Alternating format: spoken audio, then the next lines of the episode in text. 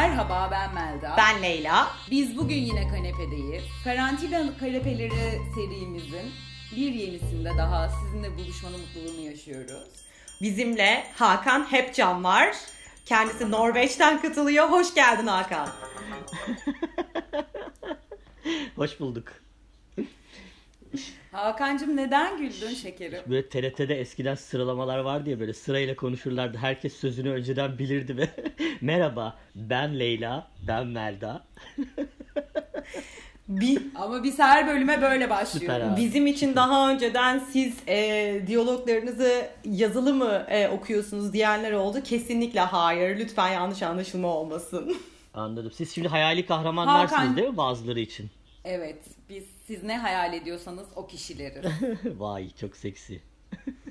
Hakan Norveç kanepemizi temsil ediyor bugün. Kendisi Norveç'te mutlu bir evlilik kanepesi karantinası yaşıyor. Hı hı.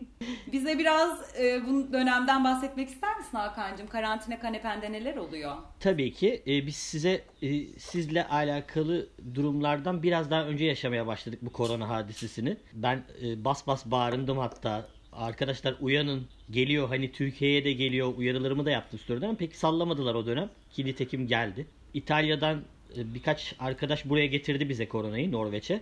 Ve bir anda yayıldı tabii ki. Ama Norveç çok sıkı önlemler aldı. Bir anda dışarıya kapılarını kapattı. Arkasından kendi vatandaşlarını aldı ve müthiş önlemler alındı. Bu bahsettiğim şeyler bir ay önce oldu burada arkadaşlar. Hala bakıyorum ki Türkiye'de insanlar İstanbul'dan Bodrum'a gitmeye falan çalışıyor trafik yığınları halinde. Yani İtalya'nın ve Çin'in yaptığı hataları maalesef Türkiye yapıyor şu anda. Biz hani önceden hepsini gördük ve her hatada da buradan ah ah şeklinde izliyoruz.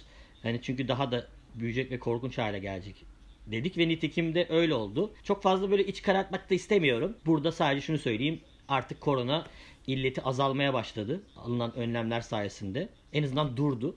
Ağustos'a doğru da artık e, normal eski günlerimize döneceğimizi umuyoruz. Ya Evet. medeni bir ülkede yaşamanın artılarına bakar mısınız? Benim için her zaman Norveç öyleydi ya. Medeni bir ülkede yaşamak nasıl bir şey? Ben onu da sormak istiyorum koronanın dışında. İliklerine kadar hissediyorsun Norveç'i. Yani havaalanına girdiğin anda, ayak bastığın anda Avrupa'dan daha farklı ve böyle high class bir yer olduğunu da zaten hissediyorsun. Hani robotlar pizza falan dağıtıyor. Gerçekten şaka yapmıyorum yani. Çok zengin, çok zengin bir ülke ve çok böyle insan Hangi yılda? ya, ya şu an Şu an hangi yıl yaşanıyor Norveç'te? yani Avrupa'nın da böyle bir 5-10 yıl önündeler. Türkiye'yi zaten söylemeyeyim. Hani hani kendi vatanımı asla şey yapmıyorum ama tabii ki farklar var. Bu adamlar müthiş vizyon sahibi ve hem eğitimliler hem de petrolü bulmuşlar üstüne. Zaten hani para ve vizyon birleşince Norveç oluyor abi. Oluyormuş yani. Güzel bir tanımlama. Evet. Güzel aynen. Ama yine de biliyorsunuz kuşu altın kafese koymuşlar vatanım demiş diyeceğim ve burada Türkiye'ye laf ettirmeyeceğim. Biz burada ne kadar heyecanlı günler yaşıyoruz ya. Biz bunu daha önceki podcastlerimizde konuştuk Hakan. Hani şöyle bir durum var. Biz. N95 maskelerini daha önceden almış, satın almış gençleriz yani. Bu konuya da çok hazırlıklıyız baktığında psikolojik olarak. Ya bir de Norveç'te yaşamanın şey kısmı var. Sana devletin ne olursa olsun güven vermesi. Ya yaşadığın ülkeye güvenmek çok başka bir kafa olmalı. Ben mesela şu anda o kadar güvensiz hissediyorum ki kendimi. Babam dışında kimseye bir güvenim yok açıkçası şu anda. Ne hükümete, ne devlete, ne belediyeye, ne geri kalan hiçbir şeye güvenim yok. Hiçbir sisteme. Bu beni daha çok panik ed- paniğe sokuyor. Eminim Norveç'te yaşadığın yere güven duyuyor olmanın huzuruyla karantina yaşıyorsunuzdur. Yani karantina ile korona ile alakası alakasız olarak e, ya zaten hani burada yaşamaya başladıktan sonra ben tam bir yıl iki ay falan oldu. Hani dedim ya sana bu iliklerine kadar hissediyorum dediğin şey zaten o. Hani sana hemen bir sosyal güvence geliyor. İşte beni şu an dil öğrenmem için kursa yolluyorlar ve bana para ödüyorlar. Yani bunu devlet ya dalga yapıyor. Muazzam. Evet cid- cidden yani ciddi bir para. Türk lirası olarak yani 8000 TL falan aylık bir para veriyorlar bana abi. Ve hani öğren diyorlar. Dili öğrendikten sonra ise biz seni bir iş bulman için şeye yollayalım. Bir praktis yap 3 aylık. Yine biz paranı veriyoruz. İş yerinden alınmıyor bu para. Parayı biz ödemeye devam ediyoruz. 3 ay boyunca eğer memnun kalırsan senin seçtiğin işten orada kal artık yolun açık olsun diyorlar. Ama eğer ki beğenmediysen başka bir işe bulalım biz sana para ödemeye devam edelim falan. Yani sosyal devlet Ya. nirvana artık yani taşıyor herifler. istihdam budur yani. İstihdam sağlamak kelimesinin karşılığı 21. yüzyılda bu olmalı. Aynen öyle. Aslında devlet bu olmalı. Yani devletin aslında yapması gereken temel şeyler bunlar. Bu adamlar vergi topluyorlar. Hani her ülkede vergi toplanıyor. Eyvallah. %37 gibi vergi toplanıyor burada da. O vergiler bir havuzda toplanıyor. Daha sonradan hakkaniyetli bir şekilde hamilelere, işsizlere, işte evlilere, ne bileyim yaşlılara, bebeklere ve müthiş bir şekilde dağıtılıyor o büyük para. Yani de, demek istediğim sosyal devletin ne demek olduğunu aslında güçlü devletin ne demek olduğunu o dedim ya en başta bir daha söyleyeceğim iliklerine kadar hissediyorsun. Güvendeyim abi ben. Yani ben bugün illet bittikten sonra da rahatlıkla tekrar işimi bulabileceğim. Tekrar ya, iş bulmasam bile çalışmasam bile devlet bana bakacak. Yani devletimiz bize bakacak abi anladın mı? O, onu hissediyorum. Muazzam. Kesinlikle Muazzam bir şey. kesinlikle muazzam. Bizim tarafımızda baktığında Melda'nın dediğine ek olarak e, bizde hani e, öyle bir ümit değil, e, beklenti de yok yani. Öyle bir şey ben hiç beklemedim ki. Yani böyle bir konsept yok zaten konu dışı olduğu için. Ama benim bildiğim kadarıyla Norveç'te kadın erkek maaş oranları da dünyada en eşit yerlerden bir tanesi. Aynı zamanda da erkeklere de ciddi bir doğum izni veriliyor diye biliyorum. Yani müthiş ya. Dünyada böyle şeyler oluyor. Bence örnek almalıyız hepimiz Norveç'i burada. Ya bir şey soracağım. Norveç'i şimdi çok övdük mü övdük de ya hiç kötü bir yanı yok mu? Yani Norveç'e bir de şunu eklesek mükemmel olacaktı dediğin şu bir de nedir? Var Tabii. mı bir bir de var mı yani? Tabii bunları düşünüyorum ben ama mesela sizin ilginizi çekecek bir konu anlatayım. Mesela enteresan olan bir hadise. Norveçli kadınlar mutsuz. Neden? Ha. Mesela evet bu ilginizi çekebilir çünkü çünkü Norveç'te kadın ve erkek çok eşit. Yani dünyada hiçbir yerde olmayan eşitlik burada söz konusu. Kadının maddi imkanları yerinde, kadın ayakta ve güçlü duruyor ve bu yüzden erkekle eşit olduğu için bir erkeğe ihtiyacı yok. Ee, erkekler burada Norveçli erkekler özellikle seçimlerini genelde uzak doğulu kadınlardan yapıyor. Çünkü uzak doğulu kadın Hizmet istiyorlar. e, kim istemez ki bunu yani? Bir düşündüğün zaman hem uzak doğulu kadınlar özellikle hem ev işlerini yapıyorlar hem geisha gibi davranıyorlar erkeğe. E tabi adamlar buna uyanmış abi yıllar önce. Gidiyorlar buradan Tayland'a, alıyorlar karıyı, evleniyorlar ve burada Norveçli kadınlar genelde mutsuz. Birlikte olan, evli olanlar da ne bileyim 3 tane çocuk yapıyor, 4 tane çocuk yapıyor. Hayatlarına bakıyor ama onlar da cinsel olarak mutsuzlarmış duyuyorum. Hmm, bakın kızlar. Siz Memleketin kıymetini bilin. Aynen. Memleketin kıymetini bilin. bak yemek Memleketin- yapıyoruz. Memleketin azman erkeklerinin kıymetini bilin kızlar.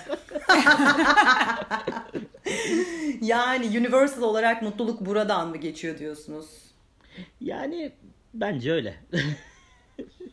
Üzdü. ya bizdeki şey yok. Üzdü. Ee, hani ne- negatif taraflarından bahsedersek bizdeki o tutku, bizdeki o ateş hani Akdeniz insanlarının, İspanyolların, İtalyanların, Yunanların ateşi bunlarda yok abi. Bunlar çok realistler anladın mı?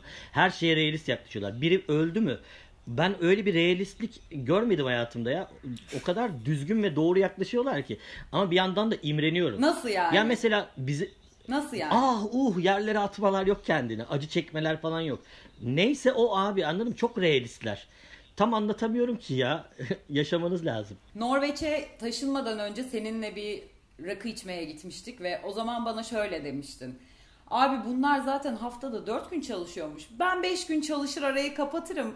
Ee, birazcık kurnazlık yaparsam bu işi kıvırırım. Bunlar az çalışıyor. Bir tık daha fazla çalışsam bu işler olur demişti. Şimdi ne düşünüyorsun? Üstünden zaman geçti. Hala aynı şeyi mi düşünüyorsun? Ee, o- onu düşünüyordum ve daha fazla çalışmayı denedim ve bana şöyle dediler. Hakan sakin ol.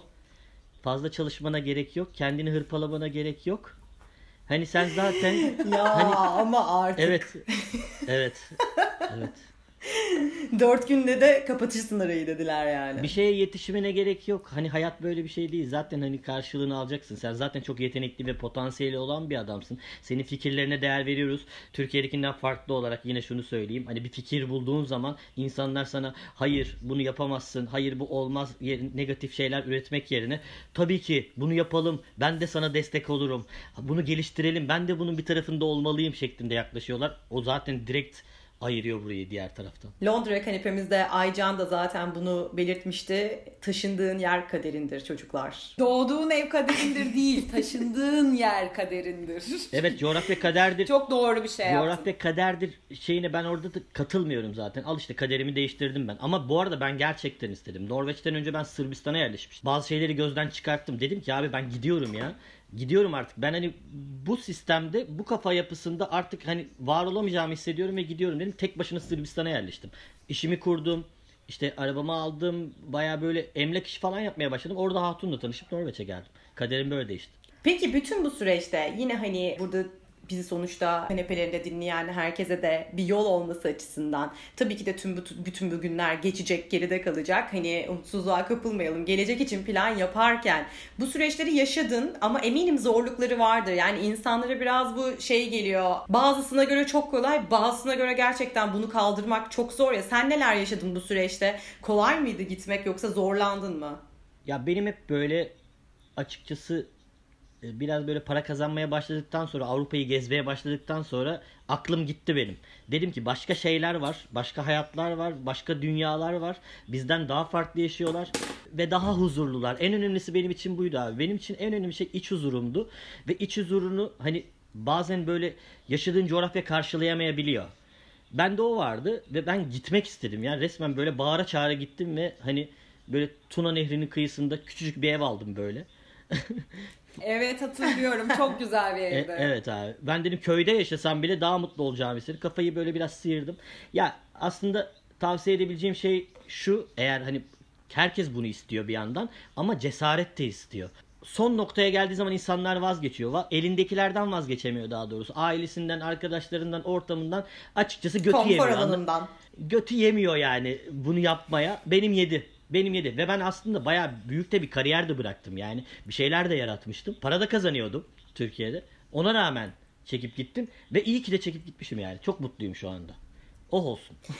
Benim bir sorum daha var. Benim genelde yurt dışına taşınan arkadaşlarımdan ki çok fazla var gerçekten. Şu anda zannediyorum dünyanın hemen hemen her yerine yerleşmiş arkadaşlarım olabilir.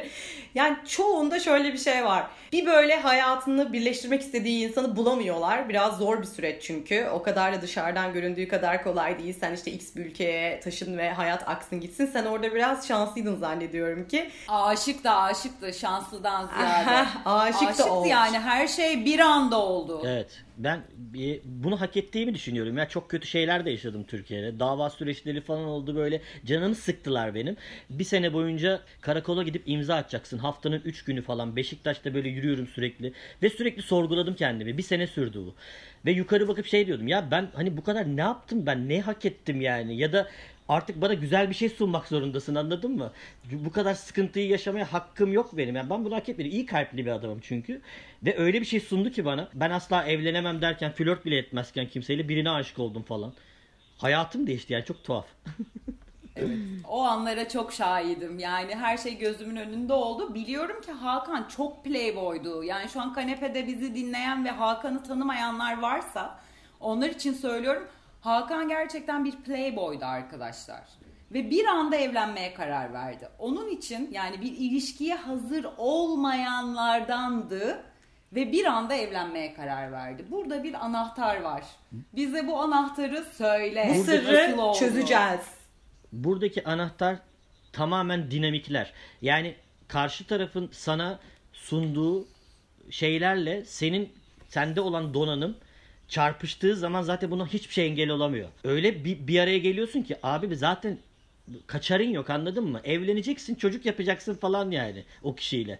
O dinamikleri bulduğun zaman böyle zaten doğru kişi olduğunu ben ilk Instagram'da bir paylaşım yapmıştım. Dedim ki o dedim direkt o dedim yani gör, görür görmez çünkü hani çok fazla sorgulamaya da gerek yok o anda. Zaten zeki insanlarız abi anlıyorsun. Bu arada şunu da söyleyeyim onun Norveç'te olması da bir etkendi. Ama ben sadece Norveç'te yaşamak istiyorum, ülkede kalmak istiyorum değildi. Bu da bir etkendi evet ama demek ki dinamikler doğruymuş ve o dinamikler bir yere geldi ve oldu. Ben bir anda kendimi Bulgaristan'da evleniyorken buldum falan. Evet ve peki şimdi bir de şöyle bir şey var. Hem evlisin, yeni evlisin, playboyluktan evliliğe geçiş yapmışsın. Bir de kanepede, karantinada hapsolmuşsun. Evli biri için, ge- geçmişinde playboy olan evli biri için. Hı. Bu karantina kanepesi dönemi nasıl geçti? Yani kiminle karantinada olduğun da çok önemli. Yani her evlilik gibi bizim evliliğimizin de problemleri var. Çok güzel tarafları da var. Yani böyle evlilik ya benim bildiğim bir şey değildi. Daha önceden sevgililerimle aynı evde yaşadım evet ama evlilik bambaşka bir kafa abi. Özellikle Norveç'te evlilik bambaşka bir kafaymış. Çünkü ben önceden o rockstar playboy dediğin adamın halinden şu an eser yok. Benim temizlikçim vardı Türkiye'de. Burada temizlikçi benim. Burada yemek yapıyorum. Çarşaf katlıyorum. İşte bulaşıkları yerleştiriyorum ama bulaşıkları yerleştirmeyi de bilmiyormuşum. Bardak nasıl konur, hangi sırayla konur bilmem ne. O çok Adı- önemli. O çok önemli. Bulaşık makinesi yerleştirme sanatı. Aynen öyle. Aynen. Ya bunun gibi binlerce şey var yapamadığım. Sıçıyorum resmen sıçıyorum ve sürekli karşı tarafa şey diyorum. Ya bak ben bunları önceden yapmıyordum. Ona göre davran bana. Çünkü hani adapte olmaya çalışıyorum şu anda abi yani o kadar zormuş ki normal biri gibi yaşamak. Ben senin e, vlogundaki dolabını görmüştüm. Hatırlıyorum. Anladım ben ne demek istediğini. Senin şu anda biraz zor. Hatun benden iyi bıkmadı yani şu zamana kadar. Topluyor yani bildiğiniz kıçımı topluyor ama ben de artık elimden geleni yapıyorum. Bugün ne yemek pişirdin? Bugün bi- birazdan bezelye yapacağım kıymalı. Ellerine sağlık. Malzeme şekerim. hazır. Allah afiyet olsun. Sağ olun. Ya işte ama az önce senin kastettiğin şeyi biraz anlıyor gibiyim. Playboyluktan evlilik hayatına geçiş sırasında sıkıntılar olduğumu cevap verirsem sıkıntılar yaşıyorum. Çünkü çok büyük alışkanlıklarım vardı. işte çok büyük kir- kirli bir geçmiş diyebilirsin evet. Kirli bir geçmişim vardı. Abi çok rahat takılıyordum ben. E şimdi tabii böyle biraz arada oluyorum. Sonra tekrar düzeliyorum. Çünkü hani elimdekinin kıymetini biliyorum anladın mı? Huzurluyum çünkü. Huzurdan öte Peki, bir şey de yok. gen- peki genç playboylara vermek istediğin tavsiyeler var mı? Buradan genç playboylara ne demek istersin? Yani çok fazla bir şey demiyorum. Eğer gerçekten benim gibi hissediyorlarsa yani doğru kişiyi bulup böyle arkasına döndüğünde ah vah demeyeceklerse ve biraz da böyle yaşını başını almış ve enerjileri biraz tükenmeye başlamışlarsa evlensinler. doğru kişi doğru kişiyi bulduğun zaman emin oluyorsun ama değil mi? Yani bu doğru kişidir diyorsun. Yine dinamiklere bağlı ya. Ben mesela 40 yaşına artık merdiven dayadım ama bu 35 yaşında olsaydı mümkün değildi. Biraz enerjimin Yaşı başı geçmiş. enerjimin biraz sönmesi gerekiyordu yani. Çünkü abi ben yürüyen libidoyum ya. Anladın mı? e, iş- Yürüyen cinsellik. yürüyen cinsellik. Yürüyen A- cinsellik. aynen. E, hatun Cep pornosu. artık aynen öyle Art- artık hani bunun durması gerekiyordu bir yerde. Zaten durmuştu hani evlenmeden önce de durmuştu. Ama şimdi tamamen artık. Ya tabii ki durmadı da. Tek eşlisin. Durmadı da. Tek eşlisin en, en azından hani durdu, durduruyor seni bir şey anladın mı? Artık diyorsun ha, ta- yeter Hakan. Bokunu çıkartma. Playboyluktan emekli olmuş Hakan. Onda netiz şu. Emekli playboy. Ya şunu bir Çok hoşumuza gitti. şunu biliyorum ki mesela bu iş biterse mesela evliliğim biterse ben eski playboyluğa geri dönmeyeceğimi biliyorum. O erkeğin biraz orada kendini dur dediği bir nokta var yani. Ondan eminim. Peki karın senin bu kirli geçmişinden haberdar. Çünkü arkanda kocaman bir video arşivi bıraktın.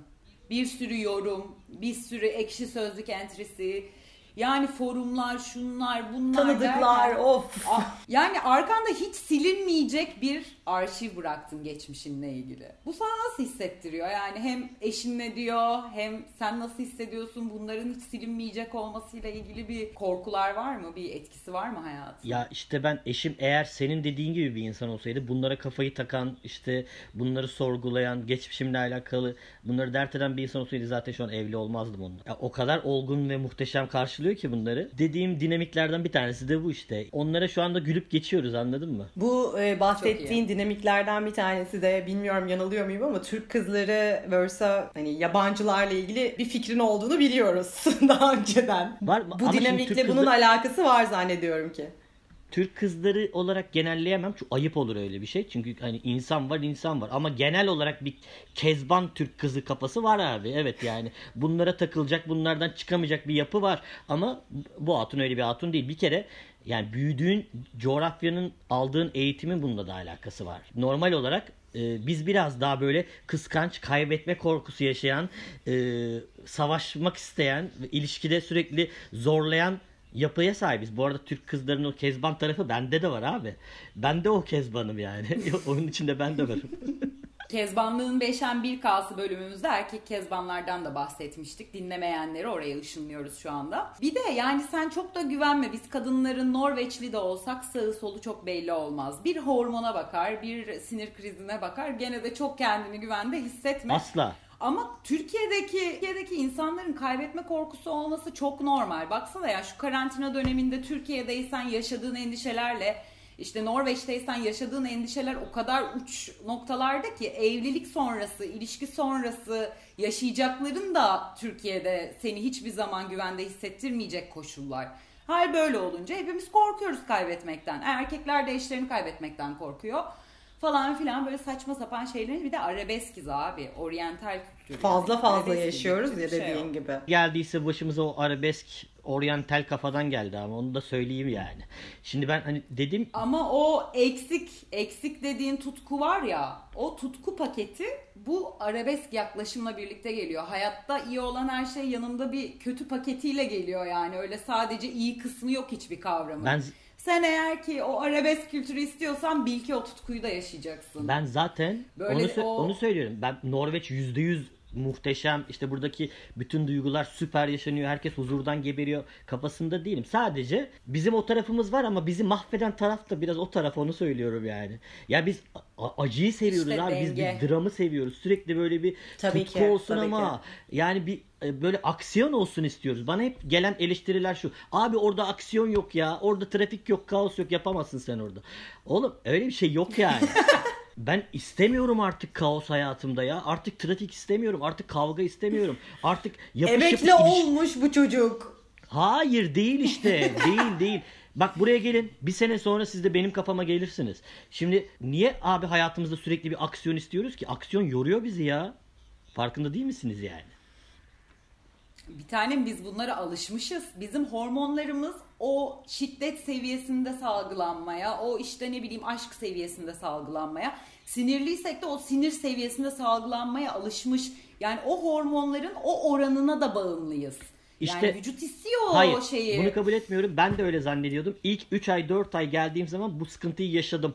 Çünkü Türkiye gibi Allah'ın delisi bir yerden buraya gelince hissediyorsunuz. İlk, ilk başta bir böyle kıvrandım. Ondan sonra dedim ki ya bu şeye de benziyor. Benim şu andaki ilişkimle eski ilişkilerime de benziyor. Hani Türkiye ve Norveç farkı. Ya eski ilişkilerim biraz toksik ilişkilerdi abi. Yani saplantılı, işte kavgalı, dövüşlü, kıskançlıklı, işte ama bir yandan da tutkulu. Ama şimdi hangisini yeğlersin? Bunu yeğlerim abi. Yani istemiyorum abi eski bir şey eski şekilde bir şey yaşamak şu anda tekrar. Çünkü o beni yaşlandırıyor, yıpratıyor. Hani tamam eğlenceli de yeter artık yani. Ben birazcık daha Hakan'a katılıyorum Melda'cığım. Çünkü gerçekten biz ama şu konuda da hak veriyorum. Yani bu ülkenin toprakları ta tarihten beri hep kaygı, hep işte bu tarz takım yüksek duygular ve yüksek yaşadan kafalarla biz büyüdük ve evrildik. Yani sonuçta sen de onlardan bir tanesin hepimiz gibi. Ama seçim evet burada önem kazanıyor. Ben de açıkçası huzuru seçerdim. Yani seçme şansım olsa Norveç'te yaşarım demiyorum ama burada da bu kafaya erişmenin mümkün olduğuna inanmak istiyorum çocuklar. Ben de Hakan'a katılıyorum. Yanlış anlamayın. Ya bütün bağımlılıklardan nasıl alkole bağımlısın, uyuşturucuya bağımlısın ama uzak kaldığında, o işin içinden çıktığında bir süre sonra hormonların normalleşiyor. İşte Hakan'ın da ilk 3-4 ay yaşadığı o sıkıntı, o boşlukta hissetme durumu muhtemelen o hormonların yoksunluğundan dolayı yaşadığı bir şeydi. Zaman içinde artık alıştı. O bağımlılığından kurtuldu ve rayına girdi. Aslında hepimizin uzaklaşması lazım. Sonra dengeleniyoruz bir şekilde. Ya ben size şöyle söyleyeyim biraz kötümser olacağım. İstanbul'da yaşıyorsunuz galiba.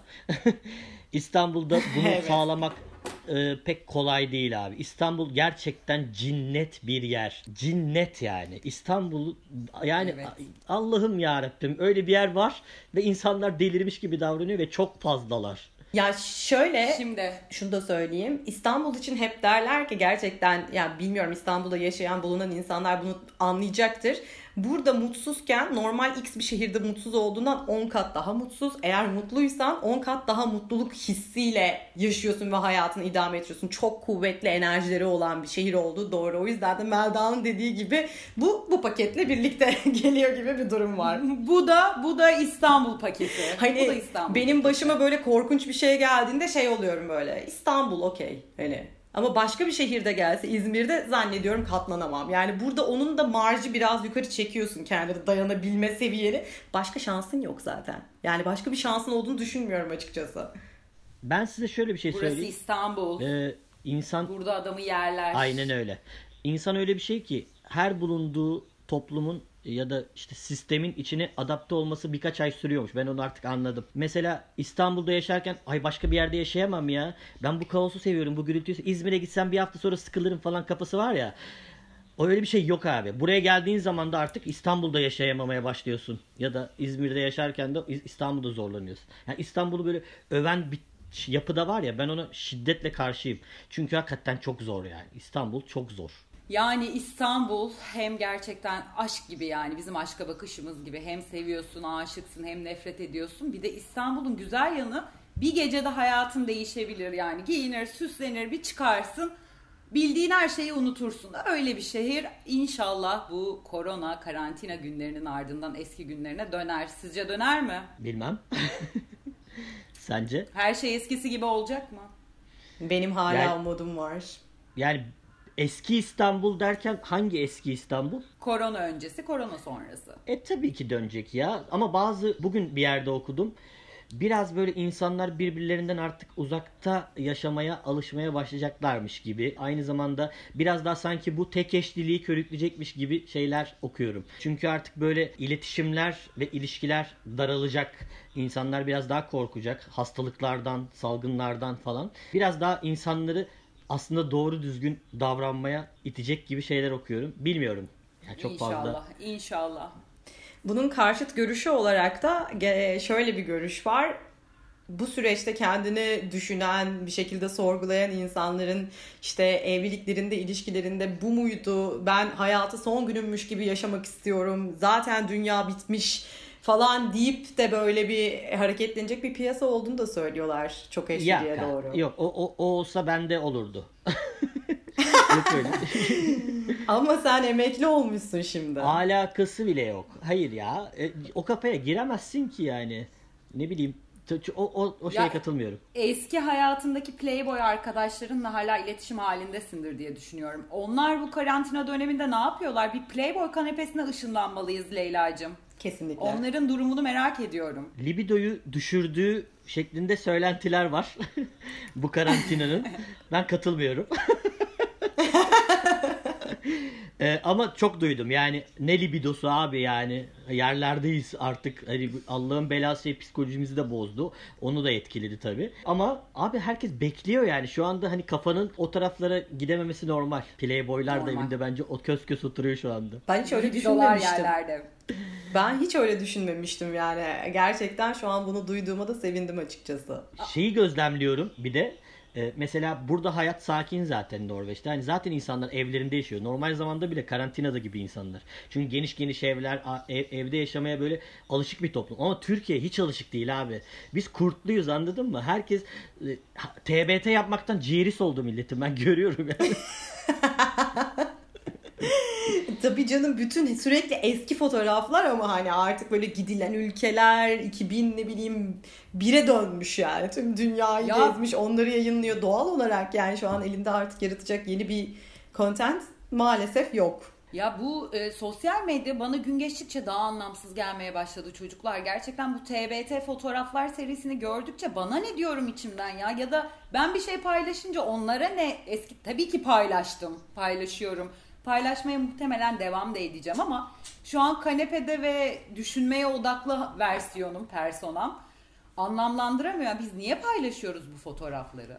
Çünkü bu bir e, uyuşturucu biçimi sosyal medya. Tamamen e, aldığın like'larla besleniyorsun ve böyle o seni diğer tarafa itiyor. Bu bir, bir doyumsuzluk halinde devam ediyor. Korkunç bir şey baktığın zaman. Ama mesela nasıl ki ben bir takım şeylere doydum diyebiliyorsam bugün sosyal medyada da o like'lara doyduğumu hissediyorum artık. Mesela aldığım like'ın hiçbir önemi yok benim için artık. Ya da kim beğenmiş, kimler beğenmiş. Artık bir yerden sonra o da başlıyor ve bu normal tar olmayan kişilerde de başladı. Gözlemliyorum. Artık onlar da vazgeçmeye başladı. Aldığı like onu mutlu etmiyor falan. Kimin beğendiği, kimin sevdiği, beğendiği falan. Neyse işte. Yani şöyle bir şey de var. Bu e, aslında yüzyıllardır olan bir şeyden bahsediyoruz. Evet bu sosyal medyada bunun dozu çok arttı. Çünkü beğenmek çok kolay, bir şey yapmak çok kolay ama çok eskilerden mesela Rum evlerinde falan görürsünüz. Yani insanlar da eskiden evleriyle hava atıyormuş. İşte ne bileyim süpürgelikler bilmem kaç katsa onun zenginliğini ifade ediyormuş. Şimdi de insanlar taktıkları çantayla çaldıkları ne bileyim işte e, oynadıkları. PlayStation'la işte bir, bir şekilde hani bir şeyleriyle beğenilme arzusu içerisinde bir şeyleri paylaşıyor. Aslında eskiden de öyleymiş. Sadece bence bunun dozu arttı. İnsanlarda her zaman o onaylanma, beğenme, e, egonu besleme tarafı çok ağır basıyor. Senin dediğin de o galiba. Bundan geçmek lazım artık bunları umursamamak için. Çünkü bu yüzyıllardır olan bir şey. Zaten muhtemelen Instagram'ın icadı bu sosyolojik analizler sonucunda insanların kendini beğendireceği bir platform yaratalım mantığıyla çıkmış olmalı. Ama yani tamam 10 senedir beğendirdik beğendirdik artık da yeter. Artık hala bununla mutlu olmak çok garip. Valla şöyle söyleyeyim. Şöyle de bir durum var sonuçta şu anda karantinada herkes evinde vesaire barkında. Kendini paylaşman gerekiyor ki iletişimin bir şekilde devam etsin gibi bir kafa var. Geçen çünkü biriyle konuşurken böyle bir olay geçti.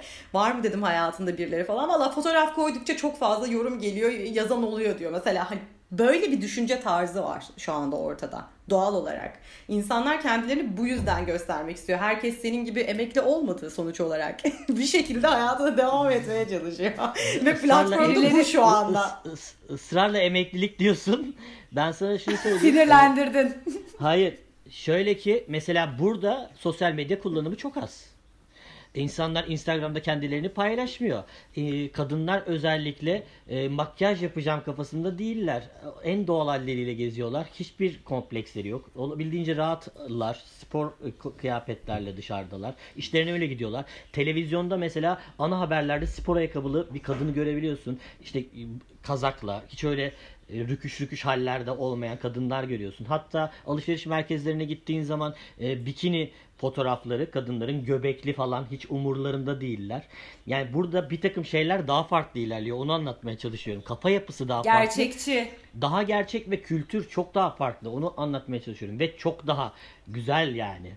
Bu taraf çok daha mutlu id- id- idare ediyor durumu. Bizim, bizimki gibi bir psikodelik durum yok. Biz biraz daha Orta Doğuyuz. Biz biraz daha böyle göstereyim, kendimi göstereyim, makyajımı göstereyim, arabamı göstereyim, paramı göstereyim.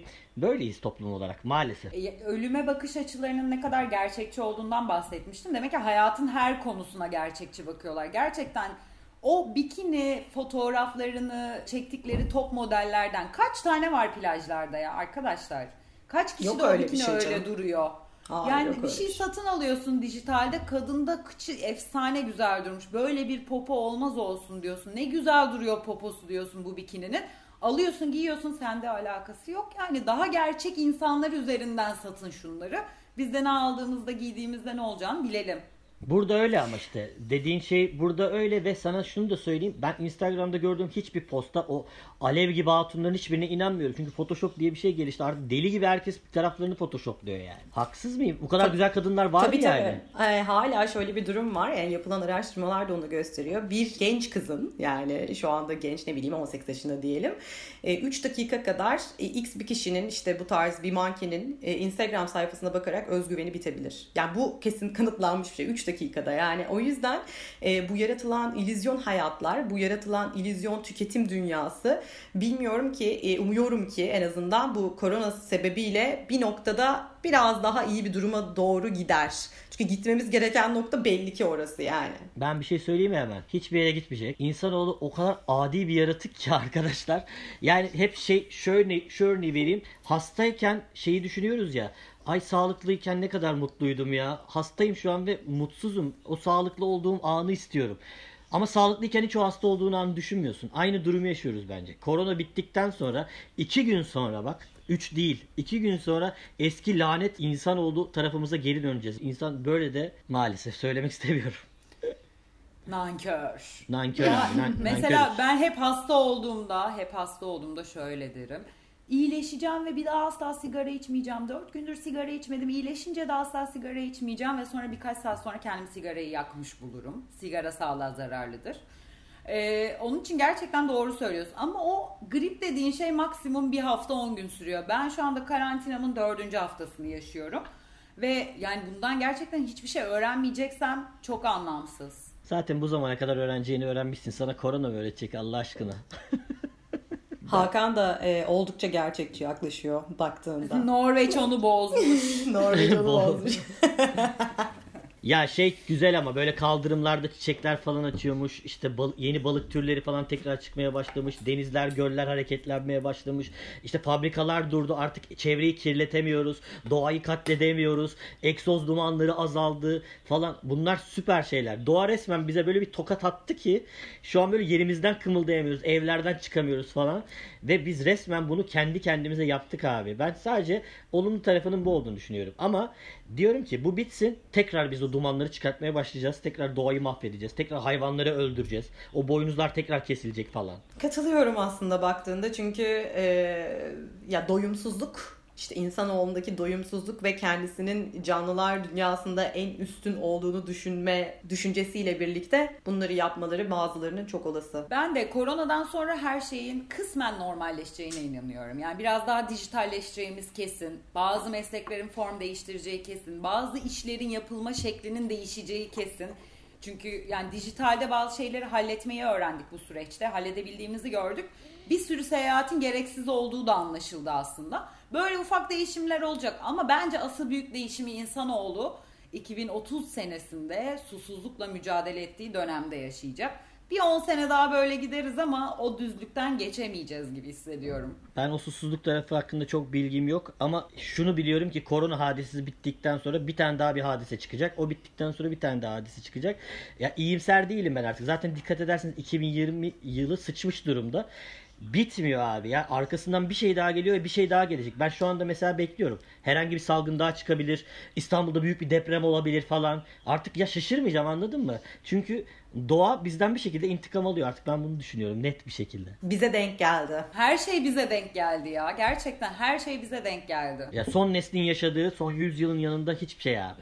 Yani salgınlar, darbeler, büyük olayların hepsini biz yaşıyoruz. Bizim neslimiz yaşıyor. Peki evden uzakta yaşıyor olmak bunları sende farklı bir etki yaratıyor mu? Evden uzakta olma hissi hiç mi yok yani? Norveç'te her şey mükemmel de ev, evden uzak olmak bununla ilgili bir şeyler var mı içinde? Evimden uzak değilim ki ben evimdeyim şu anda.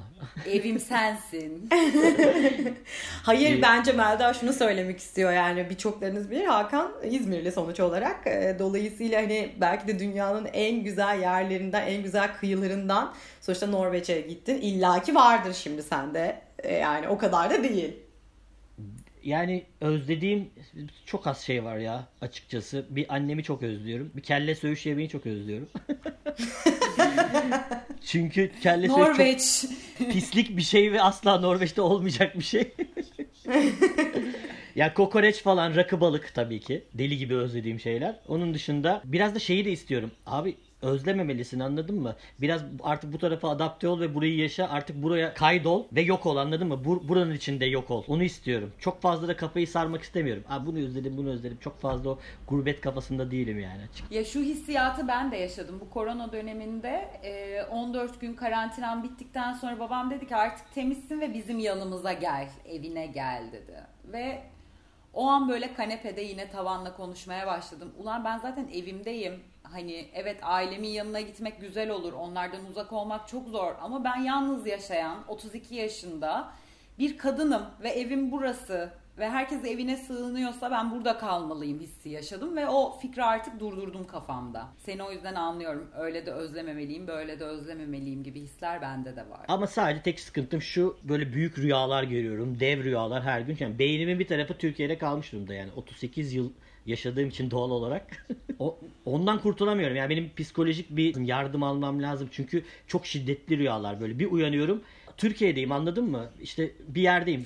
İşte Foça'dayım, işte İzmir'deyim, İstanbul'dayım ama asla Norveç'te uyanmıyorum. Bir kendime gelmem bir zaman alıyor. Böyle bakıyorum dışarıya bambaşka bir yerdeyim abi. Kültürdeyim, 4000 kilometre uzaktayım artık yani. Ona hala adapte olamadım. Ve mesela. uçaklar da yok. Evet.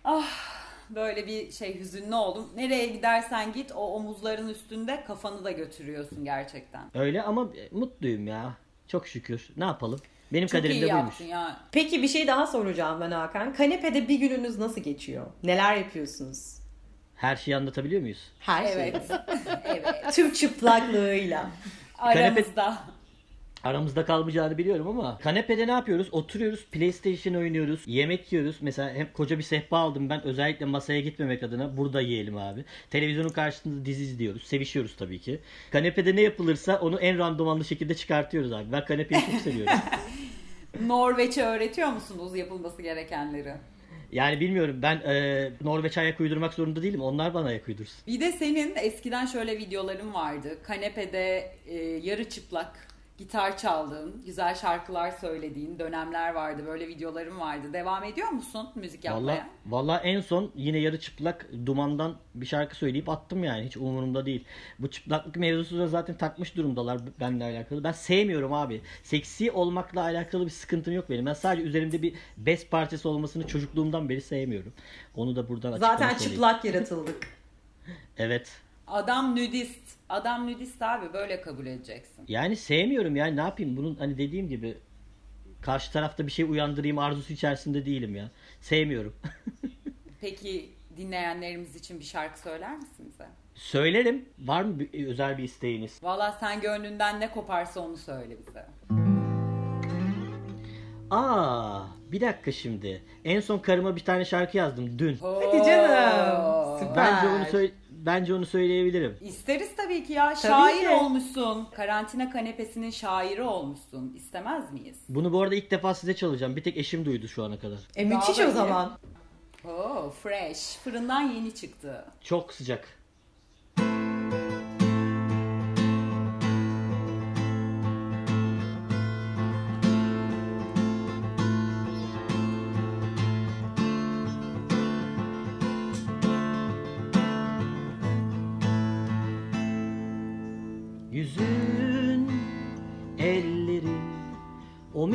Gibi kokun.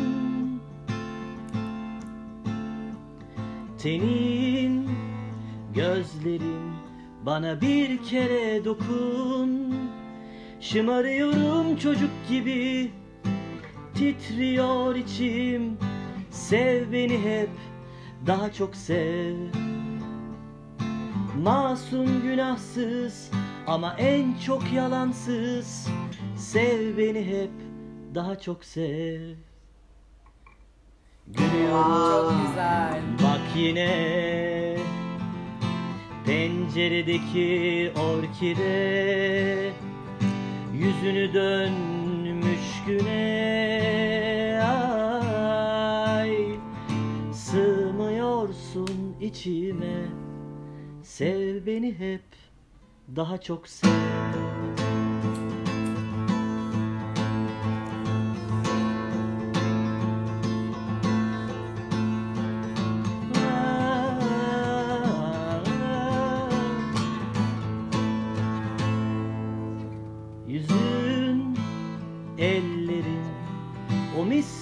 Kokun. Tenin, gözlerin, bana bir defa dokun. Şımarıyorum çocuk gibi Titriyor içim. Sev beni hep Daha çok sev. Masum günahsız Ama en çok yalansız. Sev beni hep Daha çok sev Yeterli midir? Yeterlidir. Vay vay vay vay. Gerçek bir aşık. Müthiş olmuş Hakan. Hakan Bey siz neler yapıyorsunuz? İnşallah bütün evli kocalar kanepelerini böyle romantik sürprizlerle şenlendiriyorlardır. Kötü örnek Çıtayı oldun yük- Hakan. Çıtayı Bil- çok yukarıya taşıdın. Bilmiyorum. Ama e, Ha- Hatun'a çaldım şu şarkıyı böyle diyor. E benim ismim geçmiyor içinde bunu nasıl anlayacak başkaları dedi. Aa, şarkının adını karıma yap. Karıma. ruh, ruh eşime falan. Ruh eşime. Valla Hakan süper yani. Çıtayı gerçekten çok yukarıya taşıdın. Kanepedeki herkese ilham olsun. Evet tabii. Yani bir, öyle bir amacım yoktu. Sadece içimden geldi. Çünkü hakikaten o kadar güzel kokuyor ki ben bu kokuya bir şarkı yazmalıyım dedim yani. Aa. Ya çok tatlı. Yani bugün ben bu podcast yayınında aşkın hala var olabileceğine inandım. Çok teşekkür ediyorum kendi adıma. Çünkü gerçekten hani uzun süredir etrafımızda gördüğümüz örneklerden artık böyle şey olmuştuk. Yok galiba ya bu devirde böyle bir şey diye. Benim açımdan müthiş oldu bu. Bunu Yo, öğrendim. biz de, dev, Yani dev, dev aşığız ya. Hakan Epcan'ı bir gün favori koca olarak aday göstereceğim aklıma gelmezdi. İnsanlar değişiyor. Maşallah maşallah. Melda'cığım nelerden neler çıkar nelerden neler çıkar yani. Valla buradan kanepedeki herkese seslenmek istiyorum. Nelerden neler çıkar doğru söylüyorlar. Yani gördüğünüz gibi ejderhanızı evcilleştirebilirsiniz. Siz de yapabilirsiniz. İlham olsun. Peki bu ejderhayı evcilleştirmek isteyenlere tavsiyeleriniz neler? Bir de onu alalım. Siyah jartiyerler. Anahtar bu muymuş? Yani e, yani normal e, sağlıklı bir erkeği evcilleştirmek istiyorsanız bunun yolları var. Biraz anlat bize Hakan. Hepsini duymaya hazırız. yani aslında çok klasik şeyler ya. Biz çok basit yaratıklarız abi erkekler olarak. E, parmağınızda oynatabilirsiniz gayet. Hmm, alalım Evet biz. ve ve Ya, ve işte ben parmakta oynatılıyorum şu anda gayet. Yine de biz önerilerini duymak isteriz. ya yani nasıl? iki tane şey istiyoruz abi. Bak çok net. Belli bir şeyleri yaşadıktan sonra ve artık tatmin duygusu gerçekten bir kişiye odaklandıktan sonra iyi yemek, iyi seks. Başka hiçbir şeye ihtiyacımız yok. Ya tüh ben yemek yapmayı pek beceremiyorum ya. Vallahi yapmak zorundasın. Benim karnımı doyurmak zorundasın ve çok lezzetli olmalı yaptığın yemek. Bu zor Melda'cığım değil. o konuyu çözeceğiz. O, o konuyu çözeceğiz. Sen hiç merak etme. Yani yemek ya- yapılır. Bu süreçte daha iyi algıladık sonuç olarak. Bayağı yapıyoruz Ben- yani. Ben daha çok seks yapılır kısmını okeyim. Yemek beni zorluyor. Ya yemek yapmakta ne var? Açacaksın YouTube'u. Oktay Usta falan bilmem ne usta. Ya mesela benim de şöyle bir problemim var Hakan. Ben kendim et yemediğim için mesela karşımdaki et yemeyi istiyorsa orada bit, bit- bitiyor o iş mesela. Mümkün değil olmaz. Evet ya. Yani bu bunu nasıl yapacağız bilmiyorum. Ben bunu benim hatuna da söylüyorum. İyi et yemek, iyi seks gibi bir şey yani. O yüzden et, ye- olsun. et yemeyi et yemeyle barışmalısınız. ya benim hatun da şey yemiyor mesela. Deniz ürünleri yemiyor. Ya sıkıntı. Benim için sıkıntı. Çok seviyorum çünkü ben. de. Oturup böyle bir kalamar, karides gömmeyi, deniz börülcesiyle rakıyla falan. Ya somon yemeyen Norveçli mi olur? Emin misin? Hay, hay yiyor. Somon yiyor. Onda sıkıntı yok. Ha, Ama böyle Pardon deniz, Deniz ürünleri, ürünleri. dışında somon Hayır şöyle o ka- kalamar, karides, ahtapot asla yiyemez yani. böcek yemiyor. Aynen öyle. Ama ben çok seviyorum. Ya gerçi ben beyin yemeği falan seviyorum abi. Üf iğrenç ya. Gerçek bir Türk. Evet. O kadar da dese ki Norveçli oldum falan yemezler. Kokoreç Ya. falan diyorsun yani. Ah çok özledim. İzmir'de Asım Usta var dede başında. Buradan selam olsun. İzmir'dekiler Hakan için de kokoreç yiyin diyeceğim ama zaten şu anda yeryüzünde kimse kokoreç yiyemiyor. Karantinadayız. İçini ferah tut. ya üf, çok özledim. Acaba yapılıyor mu evde? Ben deneyeceğim kokoreç, kelle söğüş falan. Hay- Hayvanı da kendin mi keseceksin? Ya var var. Araştırdım. Var yiyen var burada kuzunun kellesini. Hakan'cığım sana çok teşekkür ediyoruz. ben teşekkür ederim. Yani romantik bir aşk, Gerçekten. aşk şarkısıyla bitireyim diyordum ama kuz- kuzu kelleye geldi konu. Olsun. Olsun be. Olsun be. Gerçek ruh halini de kuzu kelle yansıtıyor. Bu romantik ruh halin bize çok tanıdık değil. Seni sosyal medya üzerinden takip edenler daha çok kelle kısmınla seni özdeşleştiriyorlardır eminim ki. Bu arada önümde Norveççe ders notlarım duruyor. Dünyanın en zor dili arkadaşlar. Ee, onu öğrenmeye çalışıyorum. Bambaşka bir kafaya girdim burada. Kanepenin Norveççesini biliyor musun? Ya stua öyle bir kanepe diye bir şey yok. Koltuk direkt. Aa olmaz. Olmadı bu. Bize uymadı. So- Koltuk so- ve sofa. kanepe bize çok ayrı. Sufa. Benim eskiden bir tane müzik grubum vardı. Son olarak bir şey söyleyeyim. Rol. Rol. Rol rol yapmaktan geliyor tamam mı? Ben bir gün işiyorum abi. Line diye bir barın tuvaletinde işiyorum bildiğin. Yanıma da oyuncu Sermiyan Midyat geldi. O da işiyor. Ve bayağı büyüktü falan diyormuşum. Ondan sonra dedi ki sen dedi çaldığın grubun isminin ne anlama geldiğini biliyor musun dedi. Tiyatrocu ya. Ben dedim biliyorum işte rol yapmak dedim. Hayır dedi. Eskiden dedi tiyatrocular dedi çok zaman önce rolleri dedi eline kağıtlar olarak böyle verilirdi dedi. Rol yaparlardı dedi. Yuvarlak. O onun rolüydü dedi. Sen dedi ilk önce grubun ismini öğren dedi. Vay Vay. Valla Sermiyan Midyat size bir şey öğretti. Sayende Evet. senin vesilenle. Ama Güzelmiş. evet enteresanmış değil mi? Rol. Oradan geliyormuş. Senin Ya rolün aslında bu. bazı şeyleri bakış açını değiştirdiğin an farklı görmeye başlıyorsun işte. Bu rol gibi yani. Bir sürü şeyin birbiriyle ilişkisi olduğunu sonradan keşfediyorsun. Bakış açısını değiştirmek önemli. Çok boyutlu bakmak. Evet. So- bu son bilgiyle. İstiyorsanız bende çok böyle salak salak bilgi var veririm. bir tane daha alırız varsa. tamam alıyoruz. Son, son mesela çarmıh. İsa'nın gerildiği çarmıh var ya. Farsçada çar Evet. Dört. Dört. Evet çar, çar de- dört demek. Pardon dört çar oluyor işte neyse. Mıh da çivi. Mıhlanmak vardır ya. Dört yerinden mıhlandığı için. Ya ya. Vay. Vay, Ya bak güzel. çarmıha gerilmek deyince aklıma bir anım geldi arkadaşlar. Anılarla çok ilgilenmiyorlar ama ortaokuldayken etken edilgen çatılı cümleleri işlerken hoca işte edilgen 5 tane cümle yazın demişti. Ve ilk yazdığım cümle ki sonra bunu tahtaya çıkıp yazdım. İsa çarmıha gerildi. Ya 11-12 yaşında bir insan edilgen çatılı fiile örnek cümleye örnek verin dendiğinde neden bunu örnek verir ya? Gerçekten çok bunu bir acayip. psikiyatrla konuşmak istiyorum. Çok acayip. Ama sen zaten hiçbir zaman normal bir insan olmadın ki. Evet çok haklısın. çok haklısın. Hiçbirimiz Teşekkür değil ederim. mi? Teşekkür ederim beni böyle bir yayın aldığınız için. Çok Biz mutluyum. çok teşekkür ediyoruz. Gerçekten. Katıldığın için.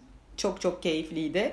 Senin de eğer var ise ben kanepesini izlerken sosyal medyadan aşırı keyif alıyorum. Sizin kanepenizi ona tavsiye etmek isterim. Şimdi de oraya ışınlanın demek istediğin bir kişi varsa onu da almak isteriz programa ayrıca. Size size size çok yakışıklı iki tane adam yollayabilirim. Ah. Alalım.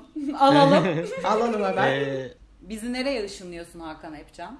e, Bora Cengiz'e yollayacağım ilk önce oyuncu. Arkasından da Rüzgar Aksoy'a. O da ikinci erkek Türk yakışıklı karizmatik starımız. İkisini de böyle kanepenize konuk alabilirsiniz. Sen, sana çok teşekkür ediyoruz. Çok öpüyoruz. Bizi bu karantina günlerinde biraz da olsa güldürdün. Çok sağ ol. Şarkı da süperdi. Bir sürü kişiye ilham olduğuna eminim. Özellikle benim açımdan tekrar söylüyorum. Bin kere teşekkür ederim. Aşk gerçekten varmış Hakan. Ben de hiç düşünmezdim. Sen yani bunun kanıtını senle yapacağımı helal olsun ya. İnsanlar nasıl değişiyor, dönüşüyor görüyorsunuz değil mi kızlar? Herkese ilham olsun. Çok teşekkürler. Friday. Bye-bye. Bye.